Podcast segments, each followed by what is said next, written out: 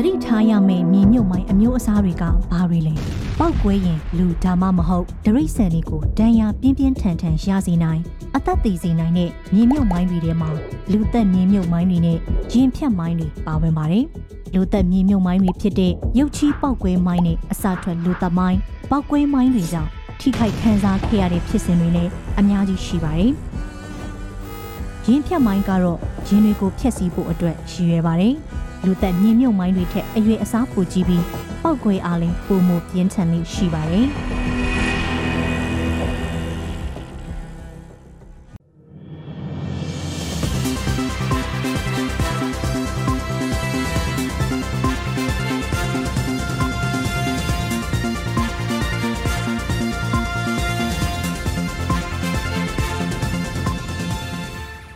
မင်္ဂလာပါခင်ဗျာ သတင်းသားကြီးသတင်းစီစဉ်ကနေကြိုဆိုလိုက်ပါတယ်ဒီစီစဉ်ကို The Watch ဖွဲ့သားတွေကစီစဉ်တင်ဆက်ထားတာပါဒီကနေ့တင်ဆက်ပေးမယ့်သတင်းတွေကတော့ဒဝဲအရှိတော်ဒေတာကိုစစ်ကောင်စီတပ်ကပထမဆုံးကြိမ်လေကြောင်းနဲ့တက်ခိုက်ခဲ့တဲ့အကြောင်း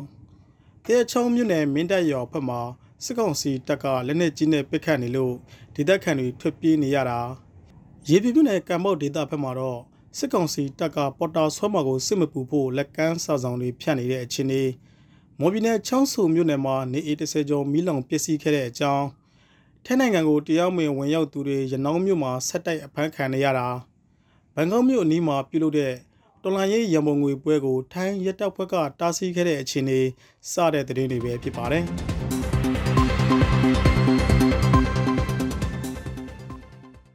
ဒဝဲရှိတော်ဒေတာကိုစစ်ကောင်စီတပ်ကပထမဆုံးခြေလေကြောင်းနဲ့တက်ခိုက်ခဲ့ပါတယ်။ တဝဲအရှိတော်ဒေသကဝါကုန်းနဲ့ကြောင်မက်တောင်ရွာကြားကို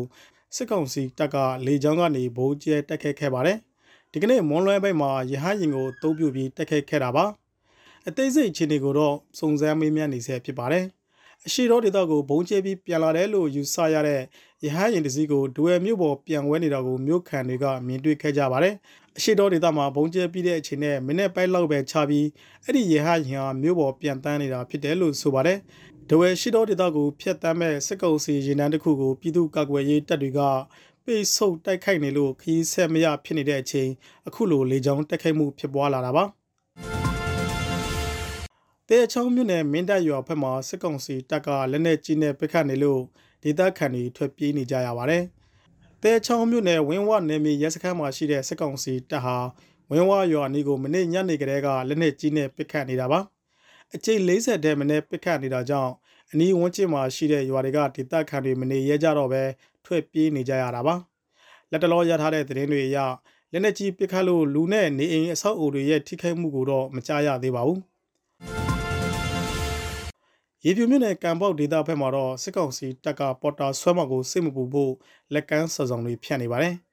စစ်မှုထမ်းဥပဒေကိုမစိုးရိမ်ကြဖို့ရေးသားထားတဲ့လက်ကမ်းစာဆောင်တွေကိုစစ်ကောင်စီတပ်ကကံပေါက်ဈေးထဲမှာလိုက်လံဖြန့်ဝေနေတာပါ။ဖေဖော်ဝါရီလ19ရက်နဲ့20ရက်တွေမှာအဲ့ဒီစာရွက်တွေလိုက်ဖြန့်နေတာလို့ဆိုပါတယ်။ကံပေါက်တိုက်နယ်ထဲကဒေသခံလူငယ်တွေကတော့စစ်မှုထမ်းဥပဒေပြဋ္ဌာန်းပြီးနောက်ပိုင်းထိုင်းနိုင်ငံကိုထွက်ခွာသူတိတိတတ်တာမြင့်တက်နေပါတယ်။တစ်ဖက်မှာတော့စစ်ကောင်စီတပ်ဟာရေးတဝဲကားလမ်းကနေကံပေါက်ဒေသဖက်ကိုဝင်တဲ့လမ်းပိုင်းမှာစစ်ဆေးတင်ကြထားပါတယ်။ မွန်ပြည်နယ်ချောင်းဆူမြို့နယ်မှာနေအိမ်30ကျော်မီးလောင်ပျက်စီးခဲ့ပါတယ်။ချောင်းဆူမြို့နယ်မူတွန်းကျေးရွာမှာဖေဖော်ဝါရီလ20ရက်မွန်လိုင်းပိုင်းမှာမီးလောင်ကျွမ်းခဲ့တာပါ။ဆိုလာပြနဲ့ဘက်ထရီအားသွင်းရာကနေအပူလွန်ခဲ့ပြီးမီးလောင်တာဖြစ်တယ်လို့ဆိုပါတယ်။မိလောင်မှုကိုမိသားတပ်ဖွဲ့တွေလူမှုကူညီရေးအဖွဲ့တွေပူးပေါင်းညှိတာခဲ့လို့ညနေ3နာရီကျော်အချိန်မှာမီးငိမ့်ခဲ့ပါတယ်။ဒါပေမဲ့နေ16ဆောင်ကတော့ပျက်စီးသွားခဲ့ပါတယ်။ ထိုင်းနိုင်ငံကိုတရားမဝင်သွားရောက်ခဲ့သူတွေရနောင်းမြို့မှာဆက်တိုက်အဖမ်းခံနေရပါတယ်။ဖေဖော်ဝါရီလ20ရက်တညတည်းကိုရနောင်းမြို့မှာမြန်မာနိုင်ငံသား19ဦးအဖမ်းခံရတာလို့ထိုင်းသတင်းတွေမှာဖော်ပြထားပါတယ်။စစ်ကောင်စီတပ်ရဲ့စစ်မှုထမ်းဥပဒေကြရဲ့ကြောင့်ထိုက်ဖက်ထွက်ပြေးလာသူတွေကိုနေဆက်မှာတင်းတင်းကြပ်ကြပ်စစ်ဆေးနေပါတယ်။ဖေဖော်ဝါရီလ20ရက်ကကော့တောင်မြို့ကနေရနောင်းမြို့ကိုတရားမဝင်ဝင်ရောက်လာသူမြန်မာနိုင်ငံသား19ဦးနဲ့ထိုင်းနိုင်ငံသားကာသမား2ဦးကိုတော့ရဲစခန်းကိုပို့ထားလိုက်ပြီလို့ဆိုပါတယ်။ စစ်မှုထမ်းဥပဒေပြဋ္ဌာန်းပြီးနောက်ပိုင်းထိုင်းနိုင်ငံထဲကိုတရားမဝင်ဝင်ရောက်လာတဲ့ဖမ်းဆီးခံရသူ200ကျော်ထိရှိနေပြီလို့ထိုင်းသတင်းတွေမှာဖော်ပြထားပါတယ်။ဘန်ကောက်မြို့နီးမှာပြုလုပ်တဲ့တော်လှန်ရေးရန်ပုံငွေပွဲကိုထိုင်းရဲတပ်ဖွဲ့ကတားဆီးခဲ့ပါတယ်အာနာပြန်ယူအောင်လန်ထူးလို့နာမည်ပေးထားတဲ့တော်လှန်ရေးရမငွေရှာပွဲကိုခွင့်ပြုချက်မတောင်းဘဲကျင်းပတယ်ဆိုပြီးရက်တပ်ဖွဲ့ကတားဆီးခဲ့တာပါအဲ့ဒီရမငွေပွဲကိုဖေဖော်ဝါရီလ18ရက်ညနေပိုင်းမှာကျင်းပခဲ့တာဖြစ်ပါတယ်